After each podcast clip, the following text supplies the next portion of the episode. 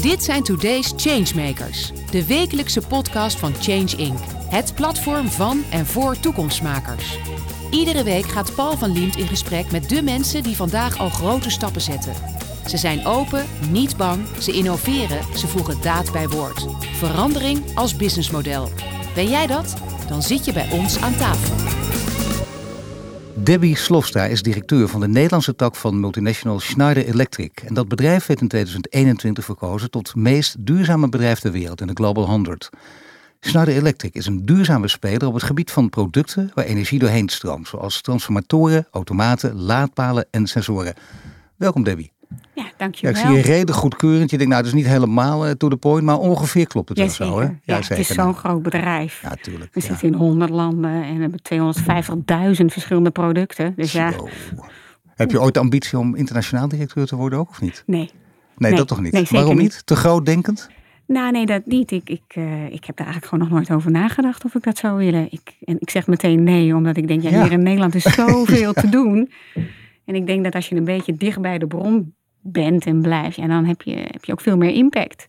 Ik kan, ik kan iedereen beloven die nu luistert dat het een heel bijzonder verhaal is. Niet alleen van jouw bedrijf, maar ook hoe jij daar gekomen bent. Dat je het bijna niet kan geloven hoe je die switch hebt gemaakt. Dat ga je zo vertellen. Yes. Maar eerst natuurlijk, wij beginnen altijd met het duurzame nieuws. Wat is jou opgevallen afgelopen week? Ja, ik, ik zag iets de dag voor Earth Overshoot Day. Want het is deze week natuurlijk Earth Overshoot Ja. Day in Nederland dan. Wat dezelfde datum is uh, dit jaar als vorig jaar. Uh, namelijk 12 april. En uh, de, dag daarvoor stond in de krant te lezen dat, en ik vertaal het even vrij, uh, dat verduurzaming een feestje is van ambtenaren en consultants. Met andere woorden, hoe, wat, waar, waar blijft de burger? En toen las ik het artikel, het was best wel een groot artikel, weet je wel, anderhalve pagina. En dat ging echt van links naar rechts, van onder naar boven. En, en iedereen die wees eigenlijk naar elkaar. En toen dacht ik, ja, maar morgen is het Earth Overshoot Day. Waar, waar, waarom doen we nou niet met elkaar allemaal dezelfde kant uh, opwijzen of oplopen? En gewoon gaan bewegen? Waarom moet het altijd zo in het negatieve getrokken worden? Want er is genoeg te doen. Dus ja. dat, is, dat is eigenlijk mijn nieuws. Uh, van nee, het is heel interessant dat je dat zegt. Want dat is precies uh, wat, wat inderdaad ook eigenlijk een mediaverhaal is. Die kant zit er altijd ook aan. Dat je denkt, oh ja, niet alleen dat willen wij van de media, altijd excuus dan. Maar dat willen de mensen ook horen. Dat is gewoon natuurlijk niet waar. Je kan heel lang proberen. Denk je misschien dat ik denk dat het, ik, ik, het wordt nooit uitgeprobeerd. Het is ja. tegen mij altijd gezegd, kijk naar jonge redacteuren. Die hebben dan bijvoorbeeld uh, heel veel kliks. En waar hebben ze de meeste kliks op? Het bericht met een hele negatieve kop. Ja. Dat is ook zo, zie je ook heel vaak. Maar stel dat je dus omdraait, dat je, dan moet je wel langdurig volhouden. denk ik altijd drie maanden. Ja. En dan na drie maanden, nou misschien dat mensen opeens denken... hé, hey, dat is dat, kijk, een blij gevoel van, kunnen we toch eens proberen. Ja, ja ik denk, en, en dat is ook de reden dat ik het heb gekozen. Het gaat denk ik om de beweging. Ja, dus als wij willen verduurzamen, we willen het beter doen en we willen nou ja, dat er eigenlijk alles een beetje langer bij ons is dan dat we nu, uh, nu de weg die we nu zijn op, uh, opgeslaan, dan moeten we een beweging zien te creëren. En een beweging heeft in zichzelf al iets heel positiefs. Dus waarom hebben we het er niet over? Nou, verduurzaming is een beweging die we met elkaar, dus geen revolutie, maar een beweging. En dan, ja, dan heb je ook meteen, ja, ik, zit al, ik sta hier al te wiebelen, jij ziet dat. Um, maar ja, dat is positief. Ik een denk... beweging die ook naar iets moois leidt. Ja. Want daar gaat het ook om. Het is niet alleen Ja. maar. Het is, tuurlijk is het moeizaam, daar moet je niet voor onachtzaam. Nee. dat denk ik allemaal. Klopt. En waar halen we de mensen vandaan met de grote verbouwing. Maar daarna staat ons wel iets te wachten. Niet Zeker. het paradijs, maar wel iets, iets mooiers. En dan moet je volgens mij dan steeds aangeven wat het is. Maar goed, Schneider Electric, ik zei het al. Ik wil ze even nog op een rij zetten. Ik heb ze niet voor niks opgeschreven. Transformatoren, automaten, laadpalen, sensoren. Dat klinkt een beetje saai. Nee, we hebben, je noemt nu hardwarematige producten, we hebben ook softwarematige producten. Want een van de dingen die, eh, ja, die digitalisering, die hebben wij natuurlijk ook. Hè. Dus uh, bijna al die producten zijn connectable, dus die kunnen data nou, uitspugen. En als je iets doet met die data, verrijkt met andere data of analyses opdraait, hè, dan weet je waar je het meeste verbruik hebt. Of Data het nieuwe goud. Dat is ontzettend dat belangrijk. is het. Dus, uh, en wat vaak vergeten wordt, vind ik altijd, als je het over data hebt en over techniek, is ja, dat is er natuurlijk om iets te doen. Dus om gedrag bijvoorbeeld aan te passen. En dat is denk ik de, de, de, de andere kant van het verhaal. Al die techniek, hard en softwarematig, ja, die zorgen er natuurlijk voor dat wij met elkaar weten waar wat zit en wat we willen aanpassen. Je zou bijna kunnen zeggen, die faciliteren ons. Maar het andere, het onderliggende verhaal is tien keer interessanter. Ja. En hoe komt het dat jij dat zo interessant vindt? Voor ja, straks je bedrijf, uitgebreid alle details. Maar Ja. jij hebt een bijzondere achtergrond. Ja. Je bent niet zomaar hier terecht gekomen. Je zou kunnen zeggen, nou, is iemand die komt uit de datahoek of eh, Nee. heeft eh, data science gestudeerd, nee, dan snap ik ik, weet het wel. waar je op hint nu. Nou, vertel. ik, ik heb geschiedenis gestudeerd. Ja. Dus ik ben eh, vorige, vorige eeuw ben ik afgestudeerd op jazzmuziek in de jaren twintig. Ja. En in die tijd, als je dan IT kon spellen, nou je hoort het, ik, ik kan het nog steeds. Dan eh, kon je zo'n eh, beroepkeuze interesse test doen. En toen ben ik bij Volmak gekomen. Dus ik heb eerst 15 jaar in, eh, in de IT gezeten, vooral de financiële sector. Maar even toch, nog heel kort even terug. Heb je nooit gedacht, jazzmuziek in de jaren twintig, hebben we dus de grote bekende Amerikaanse namen, Hemingway, Fitzgerald, die hele wereld Ja, en zo. Prachtig, daar kan ik ook Ja. van alles mee. Of was er echt geen droog brood te verdienen? Tijdens mijn studietijd. Tijdens mijn studietijd heb ik bij een platenmaatschappij eh, gewerkt. Kijk, En toen was, eh was jazz nog helemaal niet populair. En die hadden op het label onder andere Chet Baker en Akker Bilk en de Chris Barber. Ja, dat zegt misschien de luisteraars helemaal niks. Maar dat, dat waren echt de Michael Jacksons, Ja, George zeker. Michaels van, eh, van de jazz in die tijd. En toen eh, was ik afgestudeerd. En toen dacht ik, ja, en wat gaan we nou dan doen? En Ja, het is, het is, het is wel heel mooi hè, om bij zo'n eh, platenmaatschappij te werken. Maar ik denk, ja, er is zoveel meer. En IT, want ik heb het over de jaren negentig, dat kwam toen natuurlijk helemaal op. Ik denk, nou, la- la- laten we dat nou eens gaan bekijken. En dat was eh, bijster interessant. En na 15 jaar toen dacht ik, er moet toch een tijd zijn dat, zeg maar, nieuwe techniek, als ik IT en data zo, dat zo mag noemen, en de meer traditionele techniek, hè, dus eigenlijk wat je net opnoemt, hè, een transformator of een automaat of Ja. Dat moet bij elkaar komen. Dus ik ben, eh, nou wanneer was het? 2011 ben ik van sector geswitcht. Met het idee dat komt bij elkaar. Ja, moet je kijken waar we nu zitten. Met die hele energietransformatie. Nou, en goed, alle uitdagingen die... eh, maar dan kun jij wel goed analyseren. Dan, heb je wel, eh, dan loop je voor de troepen uit. Heb je snel in de gaten welke kant het op gaat. Ja, maar ik, nou, ik weet niet of ik het snel aan de gaten heb. Je mag het ook ontkennen hoor. Zeg je nee, Ja, nee, ik, ik- loop altijd mee, met de kudde mee. Ik, ik, wat, ik, wat ik denk, wat, wat, eh, eh, wa- wat, wat we moeten doen, dus niet ik alleen, maar gewoon we in het algemeen, is, is inderdaad iets doen. En eh, eh, ik denk doordat je een andere achtergrond hebt, ja, dan denk je, nou, alles is mogelijk. Dus waarom wachten? Gewoon, we gaan wat doen. Ja, dat is inderdaad wel Dat een belangrijke. Dat, dat, dan, dan breng je inderdaad hele nieuwe inzichten binnen. Daar hoor je niet bij, eh, met alle respect natuurlijk, maar het kleine klikje dat allemaal hetzelfde denkt. En je durft ook meer. Nou ja, ja, we, ja, we zijn nu bijvoorbeeld in, eh, bij ons, eh, het hoofdkantoor, dat zit in, in Hoofddorp. Daar zijn we nu bezig met de Green Mile. Dus niet de film, maar de Green Mile. Dat is eigenlijk een initiatief wat we hebben overgenomen van Amsterdam. Hè, want daar heb je de stadhuis Kades, de, de Green Mile. Ja. En toen dacht ik, ja, dat kunnen wij hier ook doen. Laten we dat gewoon doen. Dus met alle bedrijven in onze straat eigenlijk. Het is namelijk geen mile, dus als je een rondje loopt of rijdt, is het wel een mile.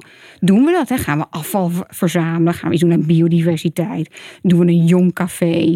Eh, eh, aan het eind krijg je plant-based eh, eten. En doen we allemaal met gesloten budgetten. Dus Essex zit daar, het hoofdkantoor, en L'Oréal en wij en Dura. En, en, en dat bedoel ik, dat, is, dat kost helemaal niks. Ja, tijd een beetje en enthousiasme. En zo zijn, ja, zo zijn er zoveel dingen die, eh, dat als je daar ja, net zeg maar dat, dat, dat vijfde kwartier in een uur, hè, wat het natuurlijk niet is, maar daar even aandacht aan besteedt, ja, dan kan je van alles doen. Maar wat doen jullie nog meer dan? Want dat is ook een van de belangrijke onderliggende eh, boodschappen die jullie willen uitdragen. Althans, denk ik, een van de belangrijke eh, redenen van bestaan misschien ook wel. Ja. Eh, bedrijven helpen verduurzamen, zeker Ja. in deze tijd. Ja, ja we- want je, je zei het in de intro, hè, wij zijn het meest duurzame bedrijf. nou ja, waren we een paar jaar geleden, van jaren in de top 10, hè, wereldwijd. En, en die, nou ja, dat, dat staan we daar om eigenlijk eh, drie redenen. De eerste is, eh, wij maken producten op een duurzame manier. Hè, dus dus met, met eh, grondstoffen en, nou, en noem het allemaal maar op. De, de producten, hard- en softwarematig die we hebben, die helpen klanten om hun scope 1, 2 en 3 daar iets aan te doen. En, ja, en het laatste is natuurlijk, ja, wij zijn geen kinderen van de, van de bakker die oud brood eten. Nee. Nee, wij doen het ook bij onszelf. Hè, dus dat is bijvoorbeeld bij ons in Nederland hebben we het kantoor verduurzaamd. Ja, practice what you preach. Dat, Dat is belangrijk. het. maar voor jou als leidinggevende helemaal. Betekent, je wilt rolmodel, voorbeeld geven. eh, dat Ja. kan heel ver gaan. Dat kan ook bijna krampachtig en benauwend worden. ja. Want af en toe doe je toch ook dingen die gewoon misschien niet helemaal kunnen of niet mogen. Nou ja, het is natuurlijk een, gevaar dat je niet roomser bent eh, dan de Ja. paus. Ehm, maar je moet het wel en je moet het uitleggen. Dus net als weet je, grote woorden als vertrouwen. En dat vroeg toevallig gisteren iemand aan mij: wat vind jij wat vertrouwen is? Wat is waarom is voor jou vertrouwen zo belangrijk? Ik zeg, nou, dat heeft heel veel te maken ook met transparantie. Dus als je nu vertrouwen hebt in die duurzame uh, transitie, en dan moet je dus heel transparant zijn wat wel kan en wat, wat niet. Dus als je maar het klinkt vaak heel mooi. Mensen zullen dat in een zaal ook meteen beamen. Ja, transparant als je het aan ze ja. vraagt. Wij zijn het ook. Maar ja, transparant betekent ook dat je vertelt wat er mis kan gaan. En dat je verschillende scenario's schetst en zo. Hoe pak je dat aan? Ja, dat is best wel moeilijk. Want uh, door al. Kijk, je hebt daar natuurlijk data weer voor nodig. En dus meten is weten. En dan kan je sturen. En uh, vroeger zei mijn moeder: doe het licht uit. En nu moet het dan met data gedaan worden. Ja. Um, maar het lastige, denk ik, voor de hele transitie waar we nu in zitten, is dat er nog niet één uh, gemeenschappelijke echte taal is dat maakt het best wel lastig. Hè? Dus, dus uh, welke data vergelijk je nou met wat? En daar heeft de EU-taxonomie natuurlijk ook best wel last van. Ja. En dat maakt het soms lastig om die transparantie uh, nou ja, niet na te kunnen leven. Maar goed dat je dat zegt even, die EU-taxonomie, want daar begint het natuurlijk mee. Die ja. heb je nodig, die, die taxonomie, dat, dat, dat, iedereen juicht dat ook toe. Maar dan vervolgens inderdaad, hoe ga je dat verwoorden? Begrijpen we elkaar? Ja. Begrijpen bijvoorbeeld ook uh, IT-mensen en, uh, en, en professionals elkaar? Ja, ja, nou, en, en dat maakt het dus lastig. En zeker in het klimaat hè, waarin we nu zitten in de, in de samenleving. Is ook af en toe een beetje lastig. Begrijpen we elkaar echt nog wel? Ja, of verliezen we elkaar niet? En ik denk dan, ja, dan heb je toch wat voorbeelden nodig van mensen die zeggen: Nou, we gaan die kant op en we gaan het gewoon proberen. En uh, nou, weet je, glas is meer dan half vol. Gewoon gaan. Maar als jij dat zegt bijvoorbeeld, want je, bent leidinggever, je bent directeur, dan zeg je we gaan, we gaan die kant, we gaan het gewoon proberen. Daarmee geef je dus ook aan eh, met de mogelijkheid dat het misgaat. En dan word je dan niet meteen keihard op afgerekend. Je bedoelt door eh, het bedrijf zelf? Nee, zeker niet. Nee, nee, want dan komen we weer, komen we weer terug bij het bewegen. dat bewegen heel erg belangrijk is. Kijk, als je bij zo'n corporate werkt als, als waar ik werk, dan heb je natuurlijk moet je je cijfers halen. Het is een multinational, een beursgenoteerd bedrijf. Natuurlijk zit dat daarin. En dan komt hij, en, dus niet maar, en uh, het, het, is daarna net zo belangrijk, dat, en dat is ook de reden dat ik bij zo'n groot bedrijf werk, dat je uh, een veel grotere uh, rijkwijde hebt als je iets doet. Nee, de impact is gigantisch natuurlijk. Maar de dus- impact was helemaal groot. Als je, en, en, kijk maar wat voor wereldwijde aandacht eh, Paul Polman destijds kreeg. Ja, ja. Het bekende voorbeeld. Ook beursgenoteerd en dan de kwartaalcijfers afschaffen. Want we kijken niet naar korte termijn, maar naar lange termijn. En dat deed hij ook in zijn eerste jaar. Want hij wist, ik kan er nu niet op gepakt worden. Maar is, is, is dat een, een te groot voorbeeld? Denk je dat zou misschien bij ons bedrijf ooit ook wel eens kunnen? Nou nee, ik denk dat onze CEO van, uh, die staat ook overal in, uh, vertelt hij dit verhaal. Nou, maar ook dat je uiteindelijk er naartoe kan dat, je, dat kwartaalcijfers niet meer zo belangrijk zijn? Nou, dat, ik denk, ik vind het een hele goede vraag. Uh, Eindelijk, hè? We zijn een kwartier bezig. Nee, sorry. Nee, maar ik, ik, ik denk dat dat voor nu te vroeg is. Ik denk wel dat mensen dat heel graag willen. Hè, want je hebt ook allemaal duurzame jaarverslagen en ESG's worden natuurlijk wet en regel. Nou, ga zo maar door. Maar om dat vanaf vandaag op morgen doen, dat is denk ik een te grote stap.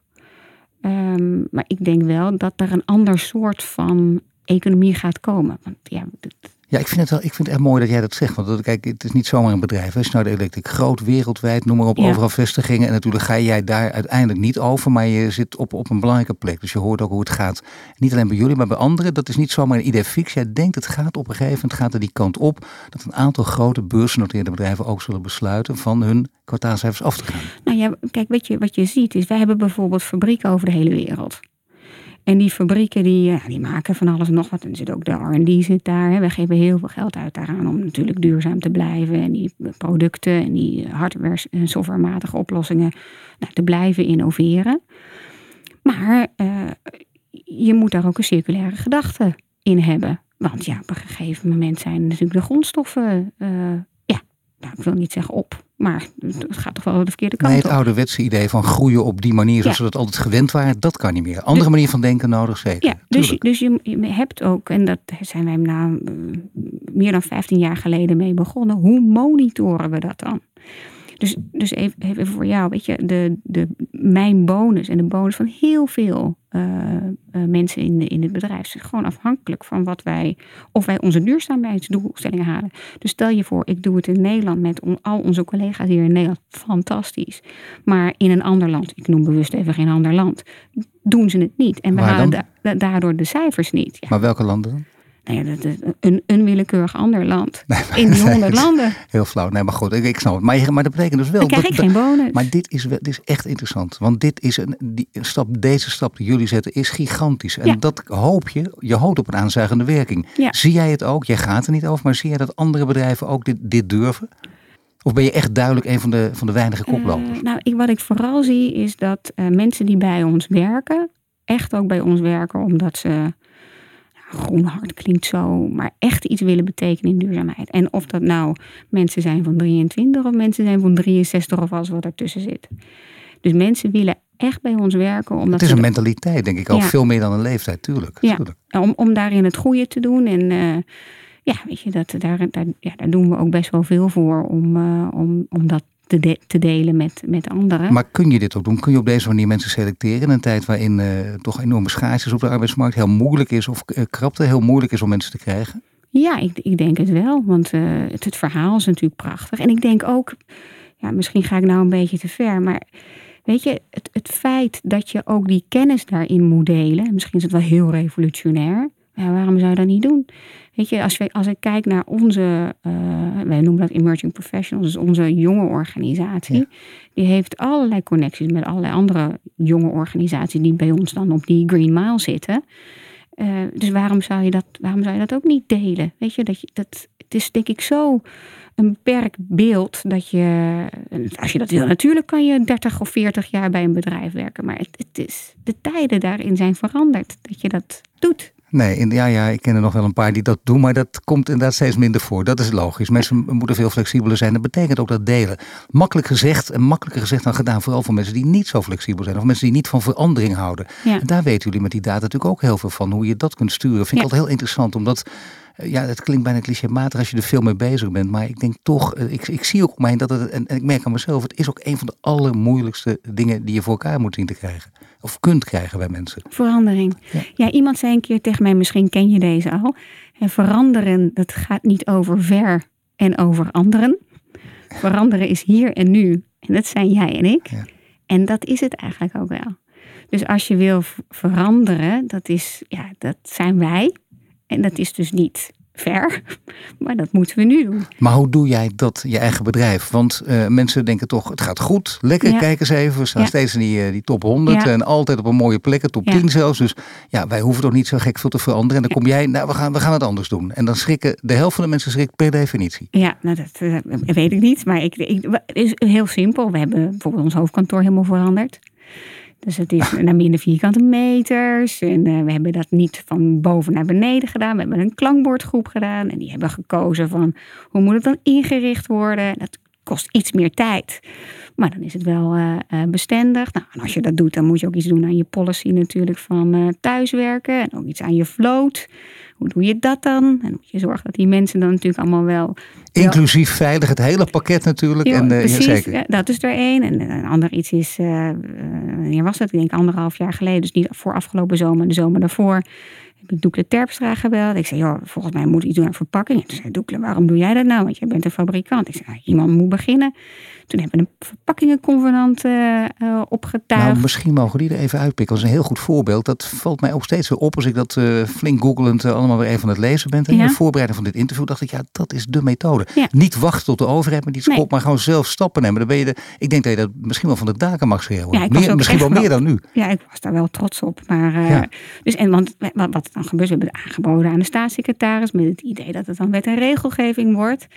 Maar ja, we- want de verpakkingen is natuurlijk, heeft het, het doelstelling dat het product, en zeker ook bij onze producten, maar ook gewoon andere producten, dat het veilig blijft, dat het niet vies wordt. Hè. Jullie kunnen niet zonder, wou ik net zeggen. Juist. ja, je hoeft het niet. Je, kan, eh, je je moet je plastic letten. Wat, of doe je eh, zeg maar eh, pallets die al een keertje ge- gebruikt zijn. En je kartonnen doos hoef je niet helemaal een bepaalde kleur te spuiten. Het kan ook gewoon de kleur van karton blijven.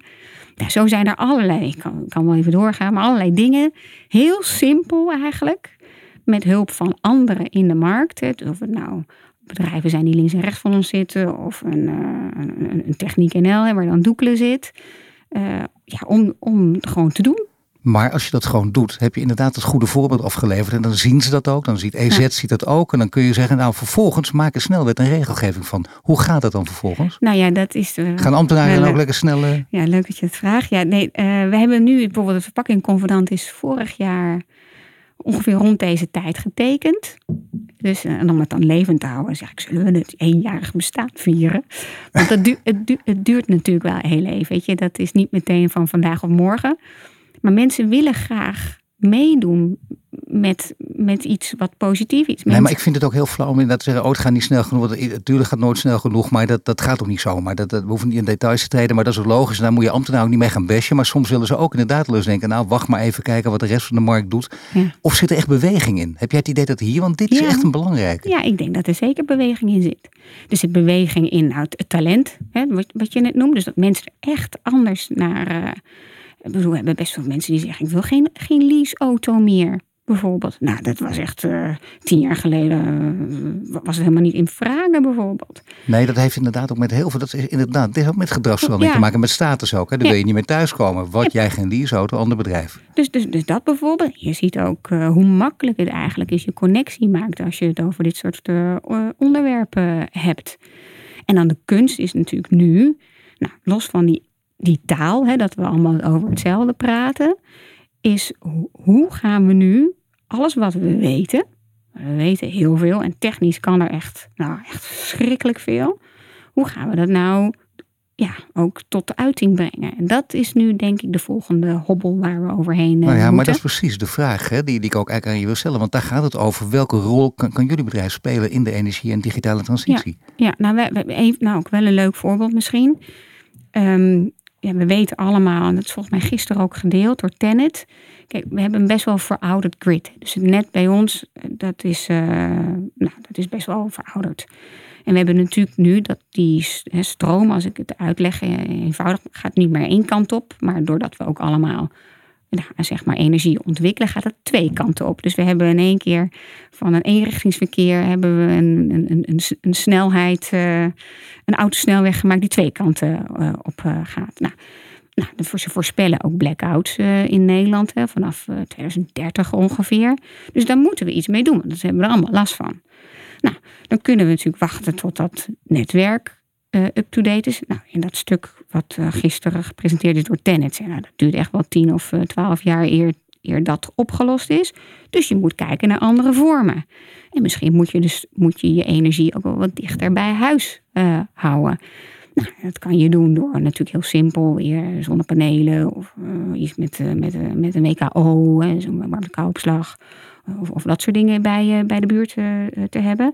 Maar je kan ook nadenken bijvoorbeeld in de meer verstedelijkte gebieden waar we, waar we nu zijn. En dan kan je denken bijvoorbeeld aan een microgrid. En zeker hier zo in Nederland, waar we heel veel datacenters hebben. Die hebben allemaal batterijen. En uh, daar, daar kan je dan iets met zo'n microgrid. En die batterijen en die overcapaciteit. En dan heb je eigenlijk, als ik het heel simpel probeer uit te leggen, over een soort van eilandjes van stroom die elkaar helpen in de Nee, goed uitgelegd, want ik snap het gewoon. Dus dat, dat, ja, dat zelf vind ik dus dat een heel goed teken. Maar dat betekent wel dat je goed die samenhang hier ook ziet. Hè? Dat je ook deze stappen duidelijk kunt zetten. Maar je noemt ook wel even de datacenter. Datacenters, daar is ook weer discussie over. Er zijn er heel veel, maar niet te veel. Not in my backyard. Hoe kijk je naar die discussie? Want Kijk, als ik jou zo hoor praten, denk ik dat jij wel iemand bent die gewoon een, een, in een duidelijke, heldere taal een groot publiek ook uh, kan aanspreken en kan overtuigen. Nou ja, ik, je wel daarvoor. Maar ik, ik denk een, een datacenter, we hebben natuurlijk in Nederland heel veel. En dat kwam met name omdat dat net, hè, dus die grid waar ik het net over had, heel stabiel ja. was. Ja, ja. Nou ja, ik, ik, kijk, die industrie die is ontzettend uh, verduurzaamd. Alleen wat je nu ziet is, en dat zijn ook die discussies vooral in de regio van Amsterdam. Ja, wat je, ze hebben een hele grote aansluiting en ze hebben het niet allemaal nodig. Dus ik denk dan dat je dat anders moet bedenken. Oké, als we dat weten, we weten dat ze dat hebben, en we weten ook dat er allerlei bedrijven zitten, kunnen we dan niet die, wat ik net al zei, die batterijen gebruiken. Dus het is dus gewoon echt, echt omdraaien. Daar staat iedereen voor open. We moeten alleen uh, het uh, nog, uh, nog doen. En ik denk wel, want daar lopen nu ook wel gesprekken. dat dat ook wel gaat gebeuren. Nee, maar we moeten het nog doen. Het is natuurlijk onderdeel van die grote verbouwing, zoals uh, met name Rutte een paar keer genoemd heeft. Ja. Dan denk ik, ja, maar we moeten het nog doen. Daar gaat het ook over. Het gaat natuurlijk over de uitvoering. Wat leidinggevenden vaak natuurlijk niet het meest spannende onderwerp vinden. Ja. En, en, en, daar krijg je niet vaak het grootste applaus voor. Dat is wel hard nodig. Ja, nou ja, dat idee bedenken, dat is zeg maar nog geen 5% van het hele gebeuren natuurlijk. Dat, dat, bedoel, je, ja. dat bedoel je ook. Ja, ja en, en dan komt natuurlijk de executie in de plannen. Ja, en, eh, en dan, ja, dan, heb je nu natuurlijk ook een beetje last van het hele vergunningen perikelen gebeuren. Dat is continu het verhaal natuurlijk ja, ook met vergunningen. Beetje, dan zeggen mensen ja. weer aan de andere kant, ja, vergunningen zijn er niet voor niets. Ja, klopt. Alleen, uh, we zien nu ook dat die vergunningen op alle gebieden alles tegenhouden. Ja, en, en dat acht jaar is niet nodig. Dat is wel echt rijkelijk lang. Ja, en dat, en dat, maakt, dat maakt het nu een beetje, een beetje lastig.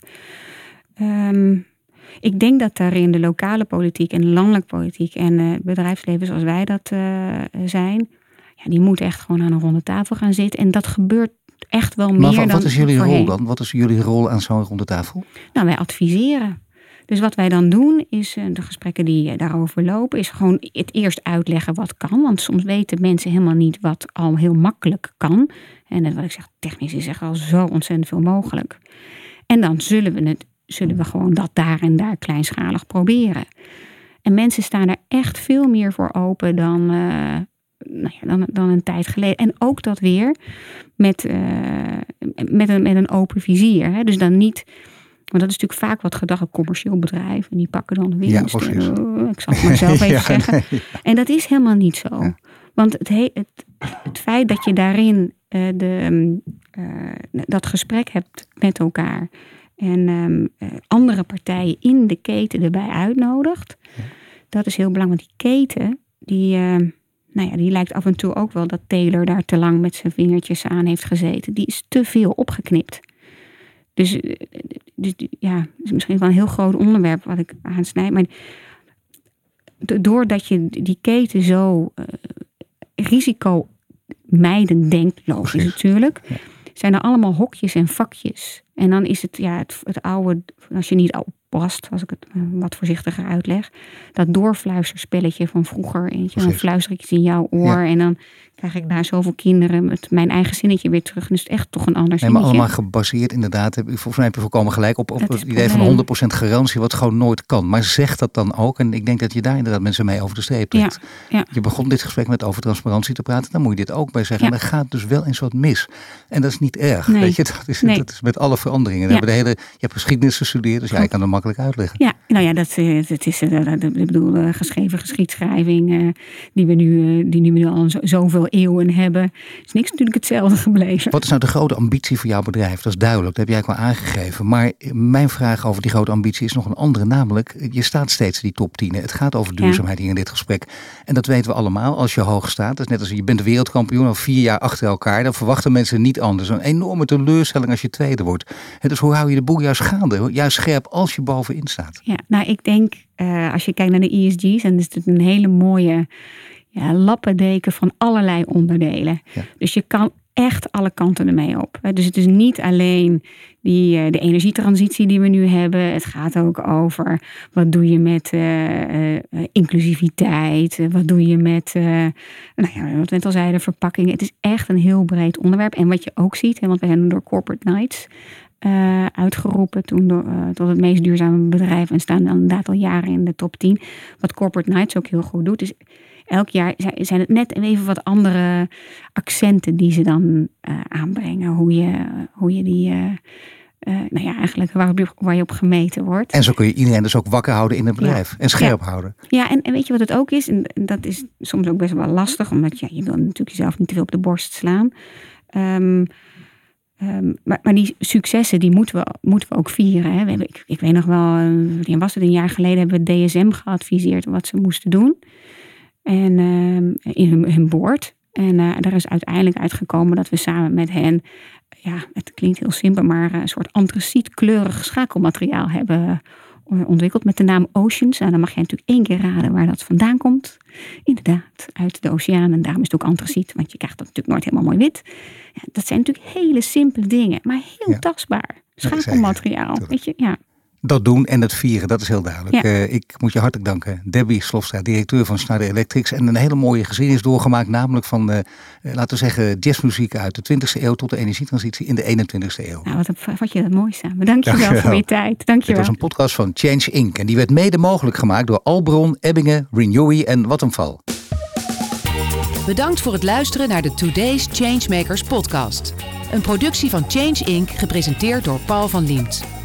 Ben of ken jij een changemaker? Meld je dan snel aan via onze Change Inc. website. Wil je dat meer mensen geïnspireerd worden? Deel de podcast dan op sociale media. Wil je meer afleveringen luisteren? Volg ons dan nu via je Spotify, Apple Podcast of je favoriete podcast-app. En krijg een melding wanneer er een nieuwe aflevering online staat.